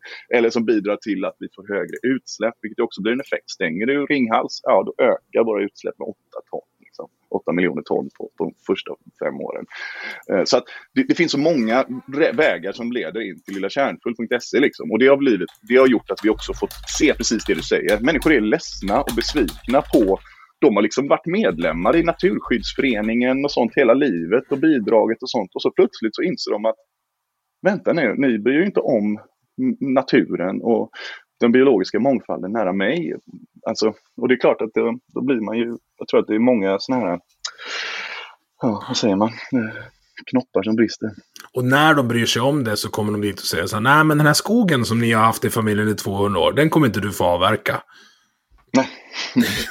ja, du har sett hela den ja, och allt som vi har fått följa under våren. Men det är också så här knasigt för jag tycker att Alltså jag tycker det är superbra med spillvärme, att man kan, att man kan ta hand om liksom, och, och göra fjärrvärme på, på, på, uh, på det som blir över i produktionsled. Alltså träd och, och, och, avfall och sånt. Det är väl bra att elda, liksom, för att det, det är en vettig sak. Men alltså så som vi håller på och såga ner Alltså som inte har att göra med en, en hållbar skogsskötsel utan vi, vi ska bara elda upp saker för att vi vägrar klyva atomer. Det är också helt knäppt. För biomassan är ju, vi har inte varit inne på det, men på EU-nivå så är biomassa, när man tittar, åh, det förnybara undret i, på EU-nivå, och så går man ner och tittar vad det är som händer egentligen. Men då kommer liksom 60 procent av den förnybara energin i EU ifrån biomassa. Och biomassa kan ha allt ifrån du vet, inget till kolkraft i sina utsläpp. Man vet ju inte exakt vad det är för något som, som, som, eh, som går in under den klassificeringen. Och det är det som är problemet med eh, eh, etiketten förnybart för övrigt. Alltså, förnybart har blivit något, ett mål, men förnybart är en metod. Det mm. vi vill ha i framtiden det är fossilfria system, elsystem, energisystem. Vi vill, vi vill låta eh, olja, gas och kol vara kvar i marken. Och, och, sen så är förnybart ett sätt att göra det. Och, och, kärnkraften kan också argumenteras. Det gör många i USA nu. Jag såg att de försöker reklassificera den i Kalifornien som förnybar för att försöka rädda kvar Diablo Canyon, kärnkraftverket där. Då. För att eh, det finns enorma urantillgångar i, eh, i vatten, havsvatten. Och Kina är nu tio år ifrån att börja urvinna sitt uran ur havsvatten med fiskenät. Och då kommer det alltid naturligt med en urlakningsprocess finnas mer uran i havet. Så då är det en förnybar energikälla, säger de då. Så, du vet. Men det är, alltså egentligen borde man inte behöva hålla på med de här labels. Vi, vet, ni kan kalla det vad ni vill. Titta på utsläppen och det är det som jag tror kommer komma så otroligt nitiskt på EU-nivå nu. Mm. är Okej, okay, allting. Och det kom faktiskt i, gällande vätgas. Och vätgasen är en sån här mycket intressant, eh, alltså det är en högexplosiv, alltså Hindenburg-gasen liksom. Den är nu back in demand och den ska då Eh, eh, tanken är väl att man via elektrolyser som man framställer vätgasen med då ska vi kunna balansera våra elnät och slippa kärnkraften då. Eh, I, I, liksom i den, om det är det som är den, det övergripande målet, att slippa kärnkraften. Så skulle det teoretiskt sett kunna funka. Men då har man inte tittat på eh, driftsekonomin i de här elektrolyserna. De behöver gå liksom 9000 timmar per år och om du då har ett ett vindkraftverk som levererar el 34 procent av tiden så, så blir det liksom ingen bra vätgas till till exempel Hybrid-projektet uppe mm. Norrland. Utan då behövs det vattenkraft och det behövs antagligen små reaktorer och Finland bygger ju reaktorer i norra landet också så det kommer finnas ren vätgas där uppe. Men Hur började du prata om vätgas nu? Det kändes som den...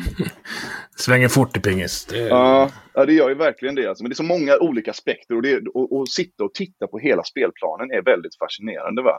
Eh, för vätgas, jo det var det det var. Vätgasen, då, då sa England, eh, Storbritannien la fram sin vätgasstrategi för några veckor sedan. Och så säger de, allting som kan tillverka vätgas med utsläpp under då 50 gram eh, koldioxid per kilowattimme kan klassificeras som grön vätgas. Och det är första gången som jag sett att man sätter en, en emissions du vet, threshold mm. här, där under. Och det är det som man bör göra, för då kan ju biomassan vara över hela kartan. Det är ingen som kommer bry sig om den ändå. Och, du kan liksom, eh, och då börjar man också titta på vad är det som har hög kapacitetsfaktor. Alltså kapacitetsfaktorn är ett jätteviktigt mått när det kommer till elproduktion. Det är hur mycket installerad effekt som finns och hur mycket som produceras på ett år. Och där behöver man, för att till exempel att göra vätgas, så behöver du ligga på nästan 90 procent för att kunna ha bra drift i vätgasframställning då till Hybrid och till eh, vad heter de, Green Steel, H2 Green Steel. Så därför så är det liksom den kapacitetsfaktorn på 90 procent och den är det bara kärnkraften som uppnår. Vattenkraften kan du köra, liksom, det beror ju på år till år, men den ligger oftast runt 60-70 procent i kapacitetsfaktor.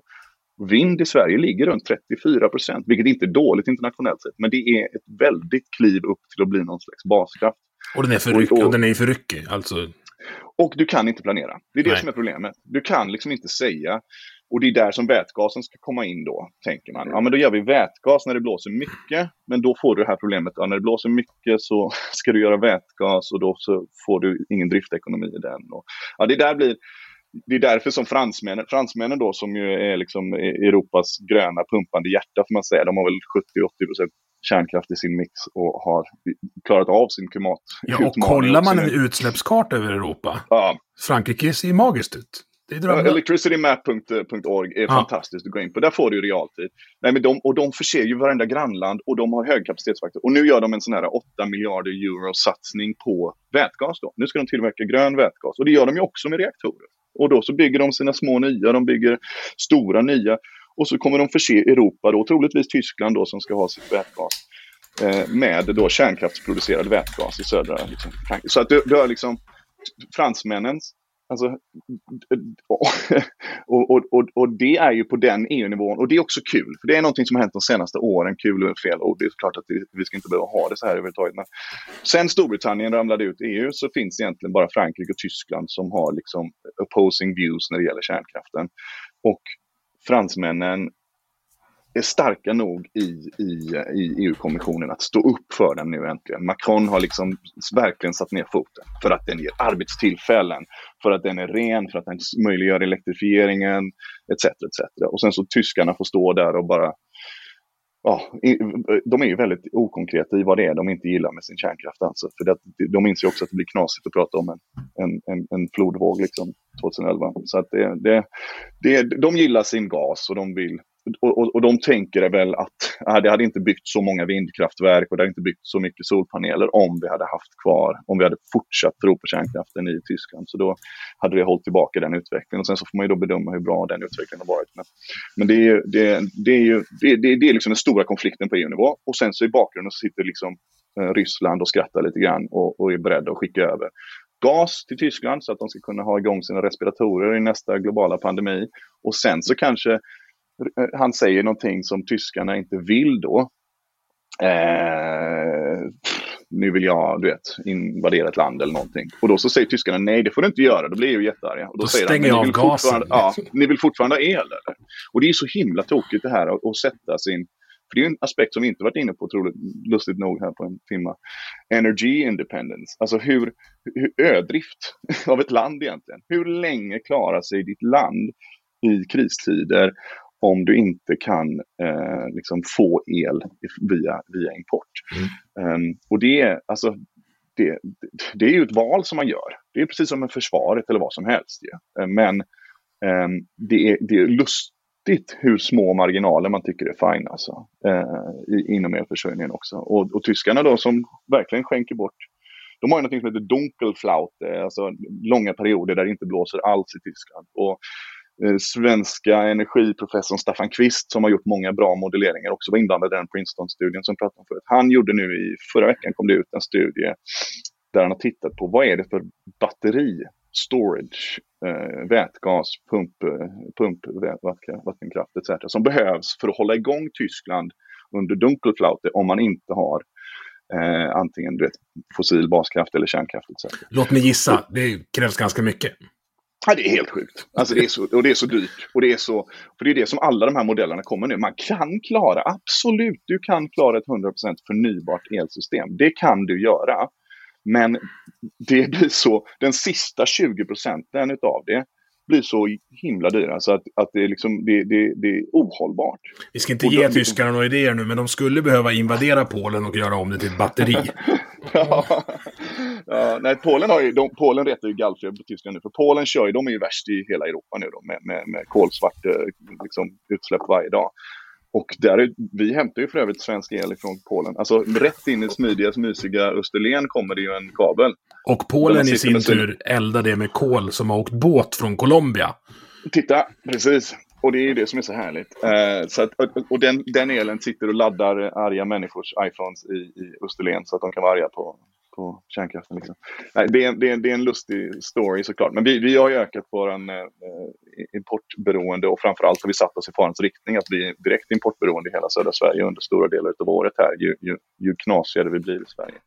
Men det, det, där är fall, mm. det, det, där är en återkommande grej. Alltså bara, vi har mycket el. Ja, ja. I ja. Älvdalen och i... i liksom i, ja. Men mm. det bor inte så mycket folk i Älvdalen. Nej, så det, det vi har ett överföringskapacitetsproblem också. Voilà, exakt. Och det här är ju det är bra att du säger det, för att det glömmer också. Men, men transmissioner i, inom landet är ett ord som man hör. Vi måste bygga ut våra stamnät och det ska ha mer transmissionskraft på plats och då kan vi plocka bort kärnkraften för att det blir jättebra. Det är ju det som har varit the holding statement. Alltså Ehm, ända fram tills H2 Green Steel, Northvolt, ehm, um, Hybrid kom och sa att vi kommer behöva all el i hela Norrland och mer. Så, så det blir inte så mycket kvar att skicka ner. Men om vi bara leker med tanken att vi skulle kunna ha el i Norrland även 2030, som vi ska skicka ner, så är det, alltså att överföra el på, på de distanserna är otroligt svårt. Och dessutom så behöver du ett elsystem i balans. Nu är vi tillbaka där igen. Så det går inte bara att ha jättemycket el i norr och så ingen elproduktion i söder. För då behövs det svängmassa och det behövs en rad systemfunktioner för att faktiskt kunna få ner elen. Det är det som vi har sett nu, för nu är äntligen Sydvästlänken klar. Då. Jag kanske har hört talas om den. När Barsebäck lades ner så skulle vi få en ny lång slang som heter Sydvästlänken. Där det skulle komma el så att vi inte skulle behöva Barsebäck. Då. Den har då tagit 27 år att bygga något sånt här och kostat miljarders miljarder är superförsenad då. En, en, en uppkoppling. Du kan ju tänka dig då om du ska försöka förbättra transmissionen. Människor blir ju ledsna när deras tomtmark blir plötsligt en elgata så att det överklagas och, och det tar lång tid att få transmission på plats. Men det behöver snabbas upp, absolut. Men nu är den igång. Äntligen! Nu ska södra Sverige få bättre elpriser, eller hur? För Sydvästlänken är ju där nu, Emil. Det är ju jättebra. Mm. Funkar det så? Nej. Det gör ju inte det. Nej, där också en, finns många bra trådar om det. Då. Alltså till att börja med så fick den 30% mindre kapacitet out of the box än vad de hade sagt från början på grund av att de även stängde Ringhals 2 och 1. Då. Så att du kan liksom inte ens, för att få ett system där du kan leverera elen ifrån norr till söder så behöver du även ha elproduktion, planerbar, nota bene, planerproduktion i södra Sverige. Den elen måste finnas eh, så, att, så att du även kan ta emot elen på ett bra sätt i södra Sverige. Annars så, blir det, annars så får du liksom ingen, ingen, ingen swing genom, genom eh, kablarna helt enkelt. Och, då, och dessutom då så snittet har ju sjunkit markant trots att vi nu fått igång den här eh, sydvästlänken. Så att om man är teknikneutral, om man är intresserad av elförsörjning och, och eh, kanske utsläpp då är det så, och du tittar helt bara, om du är en utomjording som landar ifrån månen på, i, i södra Sverige och tittar på vad är det som behöver ske här. Nej, då behövs det två reaktorer i södra Sverige i Barsebäck. Och det behövs, du vet, alltså precis så som det var. och det, och det, är så, det är så fullständigt ironiskt att det har hamnat där. Um, för, för, att det behövs dels för att vi ska kunna tillverka tillräckligt mycket el, men det behövs också för att hålla den här balansen så att vi kan få ner vattenkraften till södra Sverige. För att du kan inte bara utan svängmassa och utan eh, planerbar elproduktion på andra änden av transmissionsledningarna så blir det inte, det blir inte hållbart. Du pratar om, eh, du har nämnt det, nu så här, du är inte kärnfysiker, men du är fan så mycket närmare än vad jag är. Eh, men du pratar om små kärnkraftverk och du har nämnt fjärde generationen. Berätta om mm -hmm. dem. Det är två, två olika saker som, som kan slås ihop till en och därför blir det mycket begreppsförvirring. Där har vi också våra folkvalda då, som mer eller mindre eh, frivilligt eh, blandar ihop de två. Därför att den ena saken, de små modulära reaktorerna, de finns redan idag. Det är inte framtiden liksom 20 år framåt. Utan det är, det är precis som man har gjort sedan T-Fordens dagar. Man kom på att fasiken, vi kanske istället för att bygga liksom en ny design varje gång vi bygger ett kärnkraftverk, så kanske vi ska börja göra dem små och i fabrik och montera ihop dem vad, heter det när man gör hus? Postprod? Alltså, pre, pre, prefabrikerat. ja. ja, precis. Prefab. Um, och det är egentligen det det är. Och då blir de mindre och då kan du också placera dem på olika ställen. Alltså SMR har i, sedan 50-talet uh, funnits i eh, ubåtar runt om i världen och hangarfartyg. Och har sett till, helt utan olyckor, har gett fossilfri drift av liksom havsskepp eh, eh etc. Och så, så att tekniken att göra reaktorer små, det är inga problem och man tankar dem liksom eh, var 25 år etc.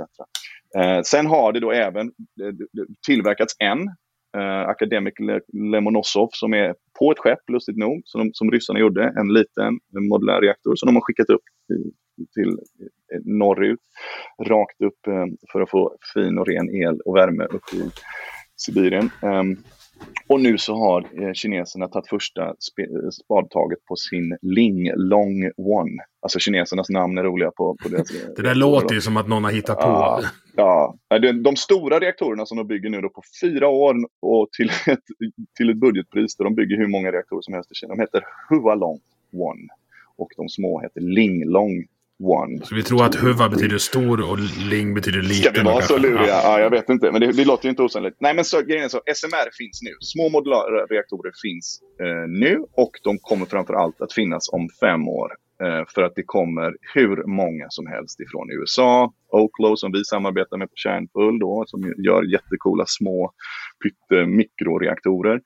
Um, det kommer uh, Terra Powers, då, Bill Gates, det kommer uh, Moltex uppe i Kanada, det kommer uh, Terrestrial, det kommer uh, Newscale, det kommer uh, GE Hitachi, den här japanska amerikanska jätten. Alltså alla tar fram små modulära reaktorer. De, de, de, är små och de blir billigare att göra. Och Rolls-Royce då i Storbritannien som, som flygplans um, tillverkaren.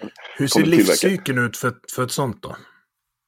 Nej, du, du tillverkar det i fabrik och sen så rullar du ut dem och, och, och, kopplar ihop dem och sen så de behöver laddas väldigt sällan vad jag har förstått. Alltså, det beror helt på vad det har för output. Men de är någonstans mellan du vet, 2 megawatt till 400 megawatt. Eh, de, Medan då eh, Ringhals då är liksom 900. Så att den är liksom som en halv Ringhals, den största SMR kan man säga. Då.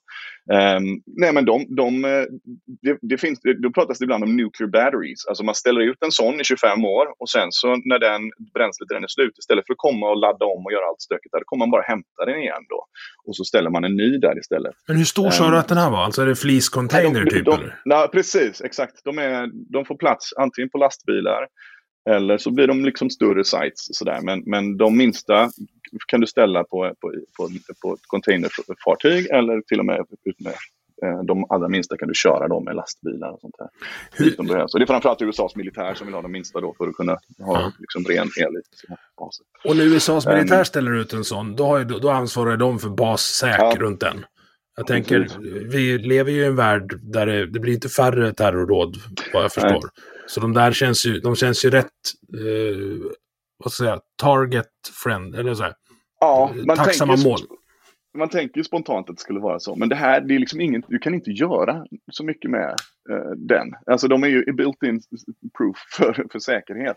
Alltså om du skulle vilja ha ett terrordåd inom energivärlden så skulle du ju rikta in det på en, en, en, en vattenkraftsdamm liksom. Mm. Och det är superkomplicerat att ställa till det var inget tips förresten. Nej, jag, bo, jag bor ju sex mil ja. nedströms från ja. Trängslet. Ja, du hör. Ja. Så, och det är det som MSB har undersökt. Alltså MSB har gjort ganska noggranna studier kring vad är, liksom, vad är riskerna med, och det var det som även JRC, då, alltså forskningscentret, i, i, i, gjorde, Do No Significant significant Harm-studien de gjorde. Hur farligt är det? Hur, hur prone for terrorism och hur likelihood of, of, of en lyckad liksom, terroristattack mot ett kärnkraftverk. Och det är helt enkelt supersvårt att göra det. Sen så klart att du behöver en säkerhetsperimeter runt ett modulärt reaktor, liten reaktor också. Det är, liksom, det är upp till lagstiftningen. Finnarna ligger jäkligt långt fram där faktiskt. Jag tror Finland kommer vara först. Uh, Estland håller ju också på tillsammans med Vattenfall då att ta fram. Men, men uh, just vad gäller säkerhetsaspekten. Hur nära kan bebyggelsen kan de ligga etc. etc. Ja, sen får och, du klassa det som ett skyddsobjekt bara. Då, då, så är det. Och det är, det är precis som, ja, det är precis som, som slutvaret. Varför skulle det vara mer komplicerat än andra saker som vi klassar som säkerhetsobjekt eller som vi slutförvarar i gruvor? Det, det är det som, det som, man tappar hela tiden perspektivet, tyvärr, när det kommer till kärnkraften. För människor ser rött och det, är det, jag, det hade jag gärna velat se i, i bevakningen, mediebevakningen. Bara någon som pratar.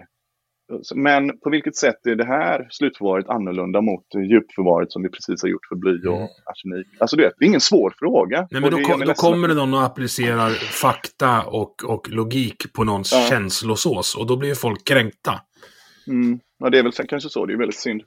Men, men eh, nej, för, för så att, självklart, det är liksom ett säkerhetsobjekt och det blir en energistation och alltså, de kan ju också grävas ner i marken. Förstår jag? Det är ingen, du behöver inte ha personal på de här eh, minsta eh, reaktorerna utan de kan ju liksom bara vara en, en, en, en energikälla någonstans i din, i din kommun.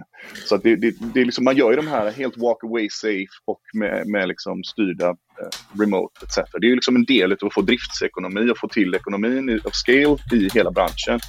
Och eh, New Scale är då ett stort amerikanskt företag som får in jättemycket finansiering då, som, som jobbar med jätteintressanta designer på detta. Så det, det kommer väldigt många. Jag ska bara svara på den frågan som jag hade förut om fjärde generationen. Eller vill ja. du fråga någonting? Nej, jag, Nej. Det, jag är där. De flesta utav de här små modulära reaktordesignerna, bortsett från Oklo och Moltex och Terrestrial från Kanada, är generation 3. Det vill säga att de inte går på återvunnet avfall. Precis, man... det är det där återvunnet jag vill komma fram till. Voilà. Och det är det som är det intressanta. Va? Och det är det som jag och även det som gjorde Midrock Invest intresserade i Kärnfull. Vi driver ju på och vill vara en tech enabler för att få på plats den fjärde generationens kärnkraft i Sverige, i världen etc. Det är inte så att generation 3, att man inte ska bygga generation 3. Alltså, eh, det ska man absolut göra. Och det görs över hela världen. Eh, nya stora. För att men våra, det, våra gamla, det, alltså Ringhals och Barsebäck och, och Forsmark, är det generation ja, 2 det? Eller är det generation... Ja, 2 och 3 någonstans ja. där. Jag tror att de, de, det blir flytande när man gör säkerhetsuppgraderingar. Jag menar Ringhals 1 var ju, de hade ju redan gjort investeringarna för att kunna driva den till 2036 utan några problem. Innan man la ner den? Ja, ja visst. Ja. Ja, de har ju Bra idé. Alltså, och 2014 så betalade ju dessutom Vattenfall in den 100 miljoner som det kostar att göra en anmälan om att få bygga en ny reaktor. Det är ju liksom ingenting man gör on a whim, utan det är pengar man lägger upp för att de ville bygga en ny reaktor. Sen så kom det en energiöverenskommelse och då lät det plötsligt att nej, vi vill inte bygga någon ny reaktor. Någonting har ju hänt där med ägardirektiven. Det tror jag inte är någon jätte... Eh, alltså, det har ju varit ganska explicit i Miljöpartiets program också att, de, att vi inte ska ha någon kärnkraft. Så att, eh, så att det, det liksom, och nu ser jag Vattenfall, jag tycker Vattenfall på ledningsnivå är tydliga. De, de, de använder sin Energy Plaza-blogg på ett bra sätt där de förklarar att kärnkraften har lägst miljöpåverkan. Du kan gå in på liksom och läsa det är ju deras eh, EPD, livscykelstudier, ISO-certifierade livscykelstudier som är grunden till de här 2,5 gram koldioxid som jag pratade om förut till exempel. Det finns ju på vattenfall.se också. Och dessutom så är de ju då inne och investerar i eh, Fermi Energia som är ett estländskt små modulärt reaktorbolag. Då.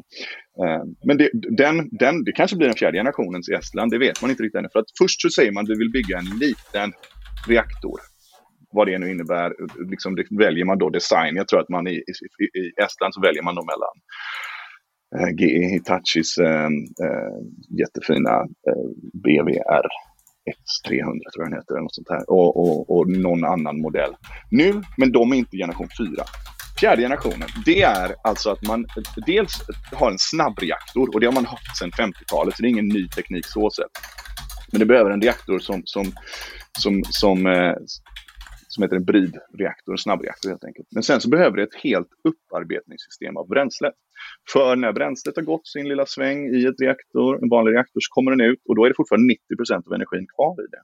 Varför får man inte du... ut mer? Alltså vad, vad är tröskeln? nu, är det, nu är det nere på kärnteknisk nivå ja. som jag knappt kan förklara själv. Men det har med hur mycket klyvbart material som finns helt enkelt i det. Och sen så blir det olika, det blir plutonium och det blir amerikum och det blir olika eh, mer svårfångade kan man väl säga då. Eh, ämnen som, som, som man behöver. Men det är inte så att man inte kan eller vet hur man gör. I Frankrike så, så, så återvinner man fortfarande en stor del av sin, sitt bränsle i något som heter MOX Fuel. Det har man gjort i 30 år också. Men för att ta hela, the holy grail för mig då, är ju att vi kan använda upp kanske 80 procent utav det istället för 10 procent i, i vårt, för då blir, då blir slutförvarstiden utav det som blir kvar blir kortare och vi har också varit med eh, liksom nose to tailiga om man ska använda maträtts, eh, maträtts eh, eh, tänk då. Men vi använder mer av uranet som är brutet helt enkelt. Jag tycker det finns en, jag tror som, som liksom eh, kärnfull ägare, jag är ganska övertygad om att en tariff på min hemsida som var eh, liksom 100% kärnkraft från återvunnet kärnbränsle. Det hade kunnat sälja ganska bra, mm. om du förstår vad jag menar. Och när du pratar och, återvunnet kärnbränsle, då är det även det som vi har, har använt i våra reaktorer precis. som ligger under Forsmark nu, kan man gå ner och ta upp. Så man, man behöver inte bryta något nytt uran. Nej, och det hör man ibland då nu då, folk som är för kärnkraft säger, men vi behöver inte ha något slutförvar, vi behöver inte ha något beslut för att vi ska ändå göra ny energi på dem. Och det, så kan det absolut bli. Men den här grejen behöver fortfarande lösas nu. Vi behöver få godkännande på slutförvaret så att man kan komma vidare och förbereda och börja gräva. Det, det, återigen, det har med klabb och klink, alltså det finns så många system här som behöver komma på plats. Men absolut, jag tycker att det vore knasigt att gräva ner 7, 8, 11 000 ton knappt använt kärnbränsle i, och plomberat i marken. Det är som att köpa, eh, när vi då, det är som att köpa korv, ja. korv, med bröd och så slutar man äta när man kommer till brödet och kastar den och så köper man en ny. Ja, eller ännu tidigare. det är som att ta en tugga och kasta. Man slickar på nej, det. Ja, nej men typ alltså. Det, jag tog ketchupen så som min, min dotter gör. Liksom. Eh, nej, men, men, men, det är ju, det är ju eh, eh väldigt eh, liksom viktigt att vi får, får det beslutet på plats. Men fjärde generationens kärnkraft kommer, och, de hade också stor stund i år, eh, byggstart för Brest 300-reaktorn i, eh, i, eh, i Ryssland. Severest tror jag det heter. Eh, där man då för första gången någonsin gör hela den här kedjan återprocessing utav bränslet och sen så nybränsleskapande och sen så in i en reaktor. Och sen så, det blir nästan som en, en evighetsmaskin till slut ju, för att det är så långa, det är, liksom, det är så mycket energi. Så, så, så det, de påstår då att eh, Rosatom då, som äger den här enheten, att 2026 kommer de vara igång och leverera el till nätet eh, från eh, den här återvunna kärnbränslet. Och det är otroligt spännande att det händer där då. För jänkarna pratar massor om det också. Och när ryssarna gör det, då vill ju såklart Oklo och liksom de, de också. Och ingen av de här små modulära reaktorerna som pratar om, eh, ingen av dem är inte eventuellt fjärde generationens i framtiden. Det är bara att man väljer designen just nu så säger man att ja, vi kommer köra på, på vanlig konventionellt bränsle för att slippa bygga hela det här reprocessing-bygget. Då. Men det är inte så att man inte kan använda designen. Så att alla små modulära reaktorer kan ju såklart utvecklas då till fjärde generationen om man vill. Det borde ju ringa en klocka där någonstans hos de som ser det ur ett strikt ekonomiskt perspektiv. Om, mm. om Ryssland, som i varje fall har en aura och så inte bryr sig särskilt mycket om miljön, utan kanske mest var intresserad av pengar, tycker att det här är en bra idé, då kanske det är en bra idé ekonomiskt också. Ja, eller kan bli i alla fall. Alltså grejen är så här, med uran, för det som man också väldigt ofta glömmer och det som gör egentligen kärnkraften så magisk, det är ju energidensiteten i uranet. Alltså, och även i torium då, men energidensiteten i en liten, liten nagelstor pellet med uran är, är liksom överlägsen kol, olja, allting med, du vet, exponentiellt. Alltså det är orders of magnitude mycket mer energi i varje liten. Så du behöver väldigt lite bränsle för. Och det är därför som gruvdriften, markavtryck och sånt är också väldigt lite sett till hur mycket el det framställer. Men det gör ju också att man hittar, det har liksom historiskt aldrig varit några problem att hitta uran när det behövs, brytas ny. Och man kan bryta den på enklare och skonsammare sätt hela tiden. Så att, så att därför så har det liksom inte funnits en ekonomisk stund i världen där det har varit liksom ekonomiskt intressant nog att börja återvinna bränslet fullt ut fransmännen gör ju det då med MOX och, och, och, japanerna hade ju gjort det. Nu, nu kommer ju Japans stora kärnkraftsrenässans igen då. De, de har ju committat till att bli eh, klimatneutrala till 2050 eh, tio år innan Kina såklart. Och då kommer kärnkraften stå för 32 procent av Japans elförsörjning igen då enligt deras energidepartement. Så att nu är kärnkraften tillbaka och då är det mycket möjligt att de tar upp tankarna. För Japan måste ju importera sitt bränsle, även om det bara är lite uran. Man importerar det och sen så har man det och så kan man använda det under jättelång tid. Men Japan vill ju väldigt gärna reprocessa sitt bränsle. Så de kommer säkert driva på för fjärde generationens också här inom de närmsta tio åren. Det, det, det tror jag. Men det har inte varit ekonomiskt gynnsamt att återvinna bränsle jämfört att bryta lite mer. Och speciellt nu då om man har låst upp möjligheten att hämta uran ur havsvattnet, vilket kineserna påstår sig kunna göra de tio år. Då kanske inte heller blir aktuellt att återvinna. Så där någonstans tror jag trajectoryn för, för generation 4 och ekonomin i den, om det inte är så, att, så som jag tror då, att det finns en PR-värde Alltså en ekonomisk uppsida, det är kanske det som ryssarna tänker på också, det förvånat mig lite då, i att säga, men den här bränslet, det är återvunnet. Och då kan man liksom ta en, vet, en premium för det. Och då kanske finns en sån uppsida. Men annars så är det liksom ingen brist på uran på jorden. Um, så som man har trott under många år. Utan snarare tvärtom då, speciellt då med, med, med fyndigheterna. Att man kan utvinna det ur havet så finns det ju hur mycket uran som helst. Så det är ju, det där är liksom, det, det är spännande att följa. För de tar ju en, en commercial bet och jag tror också framförallt jänkarna och, och det finns, ett, en, det finns en, ett, ett värde på att återvinna och använda bränslet även rent eh, kommersiellt och sälja det. Men behöver man göra det? Ja, alltså det, det finns ju, det finns ju eh, hur goda tillgångar som helst. Men någonstans kanske det möts. Kanske plötsligt säger man att ah, det blir dyrt för oss att utvinna ytterligare en pellet uran ur, ur Australiens jordmåne. Vi kan väl återvinna istället. Alltså någonstans kanske de möts på de där mm. vägarna och då, ja, det vet man ju inte. Men det, så är det ju. Det måste ju finnas en driftsekonomi i det såklart. Eh, och, eh, och jag tror att man jag tror att man gör det därför att man kan i Ryssland. Och man gör det är nästan som en moonshot. Du vet, sådär. Vi vill visa att det här kan man göra, så här kan man göra. Och så blir amerikanska eh, Silicon Valley-reaktorbolag avundsjuka. Det blir som Space Race fast uh, Waste Race istället. Ja, det är bra. Eh, vad, heter, vad heter det kapacitetsmässigt då? Jag är jätteintresserad av de här SMR som du kallar dem va?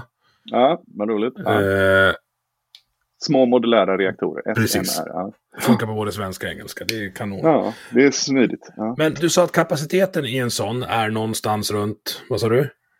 Ja, men jag tror att den, man säger att går den över 500 megawatt installerad effekt så blir den inte, så är den inte kanske liten då längre. Nej. Så det blir ju S som kanske blir då, får bytas ut. Ja, det finns liksom inget ramverk. Så att, ja, precis. Ja, exakt. Då behöver man inte byta ut den. det är förståeligt. Nej, men så att de flesta som tas fram ligger runt 300 megawatt. Det är de som jag Och det säger mig ingenting. Nej, det är en tredjedel av Ringhals 1 Ja, och i förhållande till, säg, Göteborg. Vad förbrukar Göteborg el? Det är sådana där eh, matteövningar, de är svåra att göra på uppstuds alltså. Men eh, det är ju vi märker ju liksom hur stor, eh, stor, hur mycket vi saknar Ringhals 1 produktion, årsproduktion nu liksom eh, hela tiden. Och du skulle behöva ha tre stycken. För vi hade verkligen behövt det här i Göteborg, runt omkring oss nu. Vi, vi ser Stena Line vill elektrifiera sina färjor, vi, Northvolt hade velat bygga en batterifabrik här etc. Vi behöver jättemycket mer el här.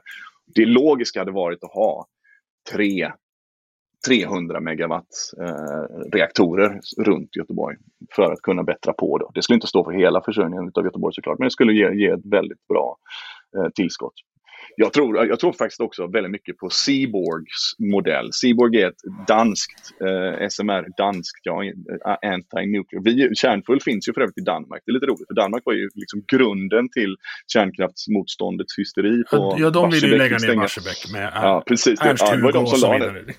Eh, exakt. De, där finns då kärnfull.dk finns det liksom sen, sen i, i våras också. Och där finns en jättestor rörelse, framförallt bland unga miljövänner som vill ha in atomkraft i den danska mixen. Då, va? Och då finns det ett bolag som heter Seaborg Technology som jag tycker ni ska gå in och kolla på. De har fått in massor med funding ifrån eh, Danmarks eh, förmögnaste person som äger någon retailkedja etc. Och de gör flytande kärnkraftverk. Alltså barges, vad heter sådana? Flotta, pråmar. Pråmar, tack. De, som de sätter en 300 megawattare på eller så kan de bolta ihop dem med 300. Och det är ju intressant av många aspekter tycker jag och det kommer nog komma väldigt mycket för att de, de, designen är dansk och sen så tillverkas de nere i Sydkorea och skall börja då, alltså de har inte gjort det ännu men det, under eh, 20-talets andra hälft här så kommer de börja. Nere i Souls eh, gamla skeppsvarv. Och det här är en modell som är intressant för skeppsvarven börjar ju gå liksom på tomgång i världen eh, mer och mer. Och då så kan det finnas en second life för personalen där att faktiskt sätta ihop små modulära reaktorer på pråmar och sen så skicka ut till till olika destinationer runt om i världen. Och sen så lägger man ju dem, jag kommer tänka på det när vi pratar om Göteborg nu, för att det, det, i Sverige så har vi ju eh, förslag om att vi ska slopa anslutningsavgifterna för havsbaserad elproduktion. Okay. Men om du har följt detta. Det finns, eh, för de, de vill ju bygga vindkraftverk ut med horisonten, eh, stora sådana jättevindkraftsverk. Då. Och då ligger, har regeringen tagit fram förslag på att det ska vara slopade anslutningsavgifter. För det dyra blir att dra ut kabeln till, till till elproduktionen där ute. Det tycker jag är jäkligt intressant. Skulle jag då kunna eh, köpa en Seaborg-reaktor och lägga på internationellt vatten, den 12 nautiska milen, och koppla in gratis i svenska elnätet till exempel, eh, tack vare den slopade anslutningsavgiften. Så, så den frågan ställdes faktiskt på, till regeringen och det, är, det, är, inte specifikt för vindkraft utan det är alla el, el, all elproduktion till havs som är förslaget att man ska slopa. Vilket ju är jäkt, då blir det ett intressant case. Alltså, vad är, vad, vad, vem är liksom jag tänker att det blåser mycket till sjöss. Jag blir lite rädd. Jo, men nah, du vet. Herregud, du ankrar fast en sån där som flyter omkring. Det är ju liksom ingen... Ja, olje, oljeriggar kan ju stå där ute. Skojar det med mig liksom? Du vet, ja, de står ju som, står som järn. Och det, det som är bra är ju liksom att man hittar där det är grunt. Det är precis samma förutsättningar som man vill ha för att bygga havsbaserad vindkraft. Mm. Grunt vatten, du vet, eh, en, på lagom distans eh, ut. Så att man, så man, skulle säkert kunna spänna SMR mellan de fundamenten på vindkraft eh, verken där ute till exempel. Nej, nu, sp nu spånar jag mycket. Det är lite men som att parkera en Ferrari mellan fyra stycken Skoda-pickisar. Liksom.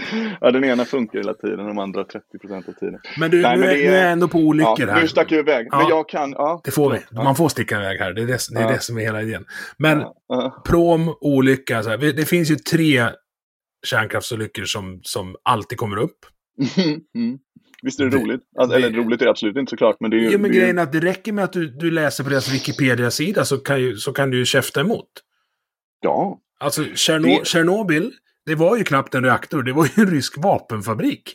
Mm. Och, den, och den stora, stora problemet där var ju kanske inte, och nu kommer det, det här kommer ju låta jättepolitiskt, men det kanske inte var kärnreaktorn utan det kanske var kommunismen och deras liksom, chain of command. Det är i alla fall vad jag tar med mig när jag läser och, och ser eh, Stackarbos eh, HBO-dokumentär där.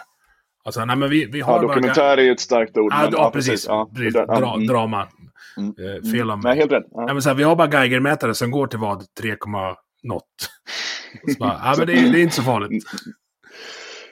Nej, så är det. Det är väldigt få som skulle få för sig att bygga en RBMK-reaktor eh, design 2021. Liksom. Eh, ja, för den var inte... Köra var... utan inslutning. Alltså det var liksom... Precis. det var inte betong runt den. Och det, och det sket sig på sätt som liksom är obeskrivligt eh, sorgliga.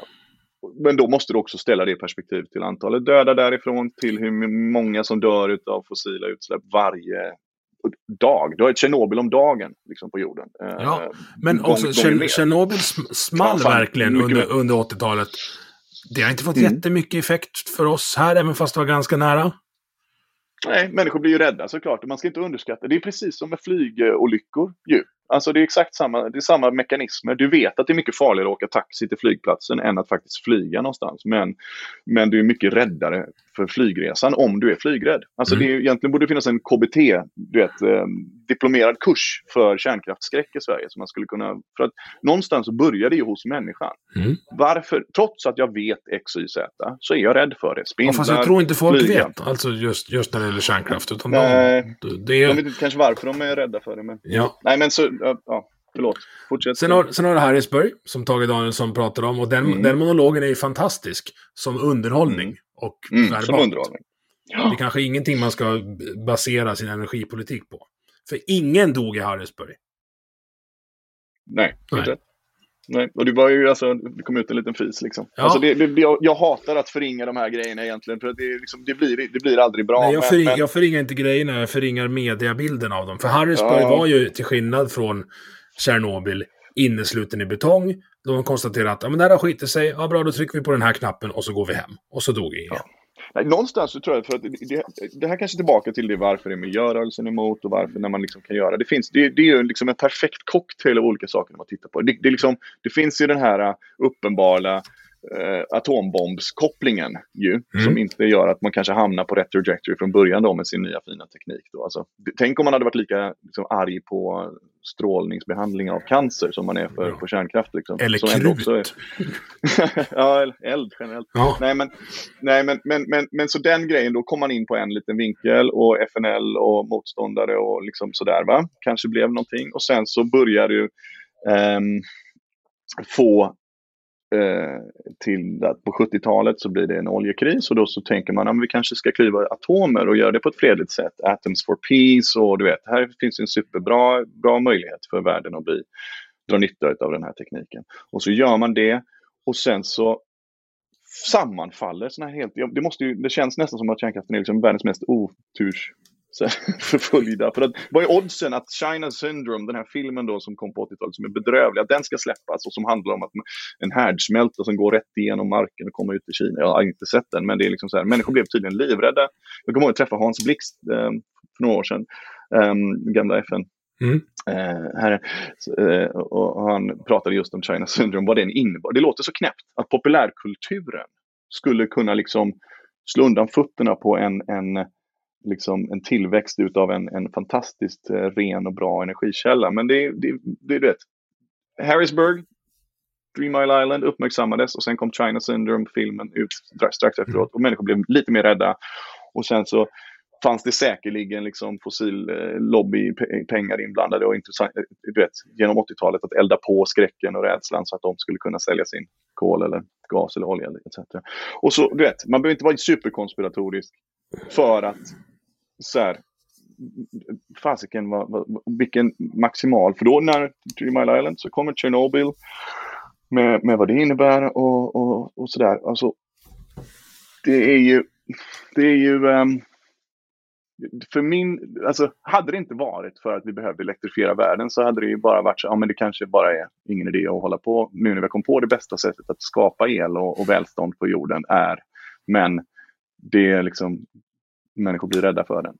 Men vi har liksom inte riktigt lyxen längre 2021 att vara rädda för, för kärnenergi. Liksom. Det är det som är eh, och då måste man börja läsa, precis som du har gjort. Och jag menar, vad är det du hittar på Wikipedia om de här olyckorna? Det är inte, eller på Our World in Data eller på Statista. Det finns ju mycket bra statistiksajter som helst som sammanställer allting. Um, och, sen, och, ja, och sen har vi Fukushima där, där så här, det, är två, det är två saker som stör mig med Fukushima. Det är ett så här, ja, jag tycker att vi ska bygga kärnkraft. Kanske inte på en kontinentalsockel, grabbar. Kan vi, kan, kan, vi låta bli det? Uh, och... Ja, det, alltså, ja det, det, det, är lite svårt att säga så i Japan, för att egentligen så står de emot eh, eh, otroligt bra. Liksom. Det, det, är klart att man behöver inte bygga den just på, på, på sprickan, men eh, alltså, Japan utan kärnkraften har väldigt små chanser att kunna eh, elektrifieras på ett bra sätt. Liksom. Ja. Så de kommer ju behöva vara smarta bara, och det är det de är duktiga på. De bygger ju liksom höghus som är större än någonting vi någonsin har sett. Eh, och som står emot jordbävningar. Som står på fjädrar typ. Ja, precis. Ja, men det är ju så. Så att det är inte så att det inte finns en ingenjörslösning på problemen. Eh, som, så länge som uppsidan är tillräckligt stor liksom, så, så löser man ju det också. Eh, de hade ju tsunami-skydd. Jag menar, många vet ju inte om att den här tsunamin slog in på flera reaktorer än, än, än Daiichi. Liksom.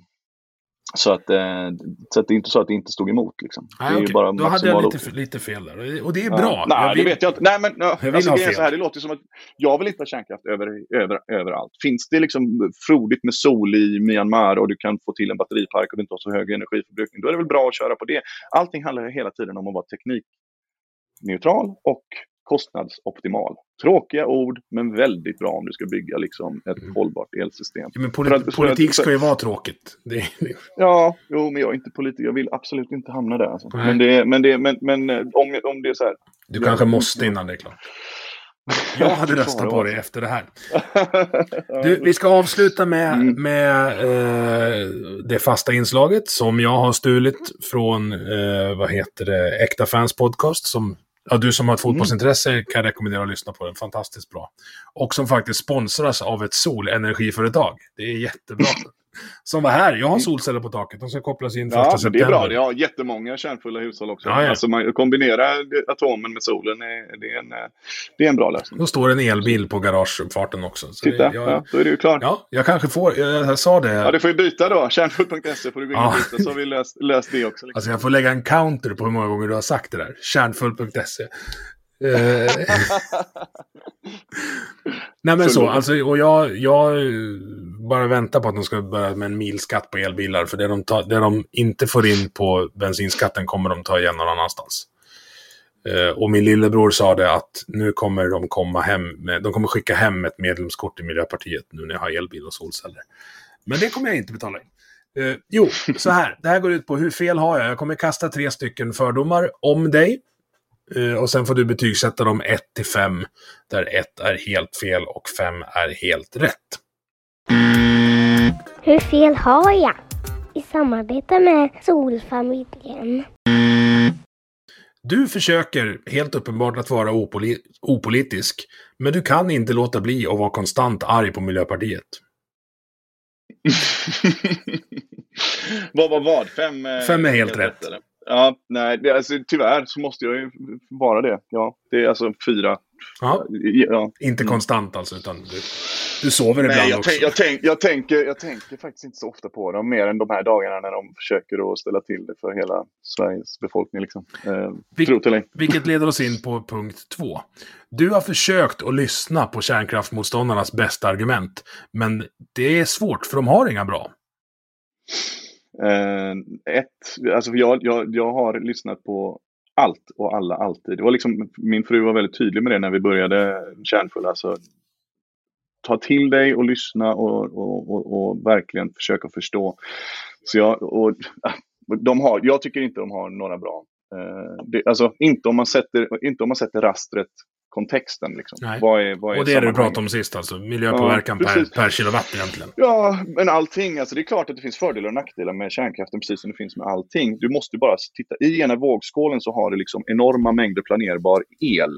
Hur viktigt är det i framtiden? Och sen så andra så har det, ja, det blir eh, litet avfall som måste behandlas som alla andra avfall. Alltså det, det är så sjukt kontext. Eller det finns ingen balans mellan fördelarna och, och eh, de, de små nackdelarna så att det ens är relevant. Liksom. Men, eh, men jag kan ju såklart varenda, jag kan varenda argument och det, kan, eh, och det är det som är så synd. För den här diskussionen är ju så låst, liksom. eh, tyvärr. Så vad får jag för betyg Ehm. på den då? Där får du en eh, ja, tvåa då, eller? Ja, okej. Och den tredje.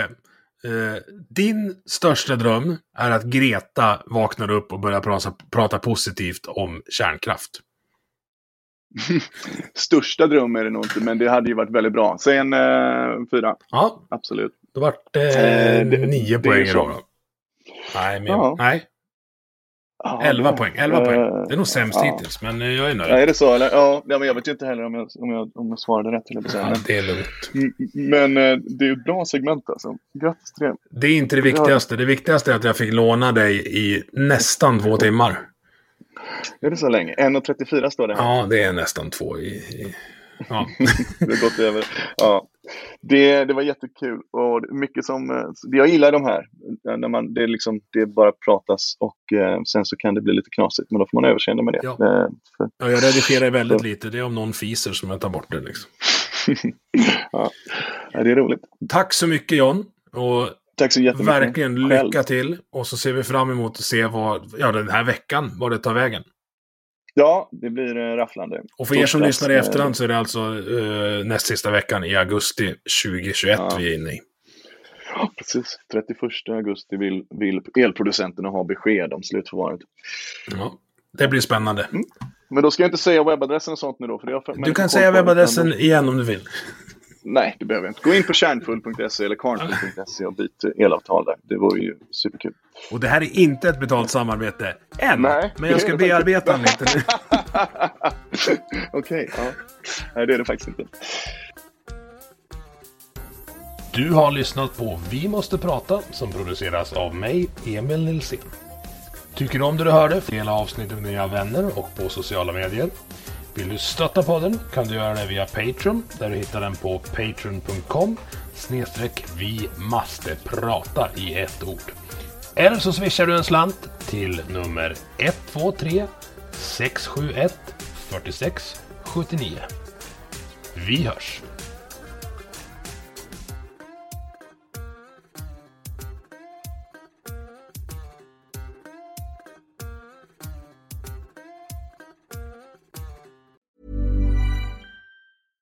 Imagine the softest sheets you've ever felt. Now imagine them getting even softer over time. That's what you'll feel with Bowl and Branch's organic cotton sheets. In a recent customer survey, 96% replied that Bowl and Branch sheets get softer with every wash. Start getting your best night's sleep in these sheets that get softer and softer for years to come. Try their sheets with a 30-night guarantee. Plus, get 15% off your first order at bowlandbranch.com. Code BUTTERY. Exclusions apply. See site for details.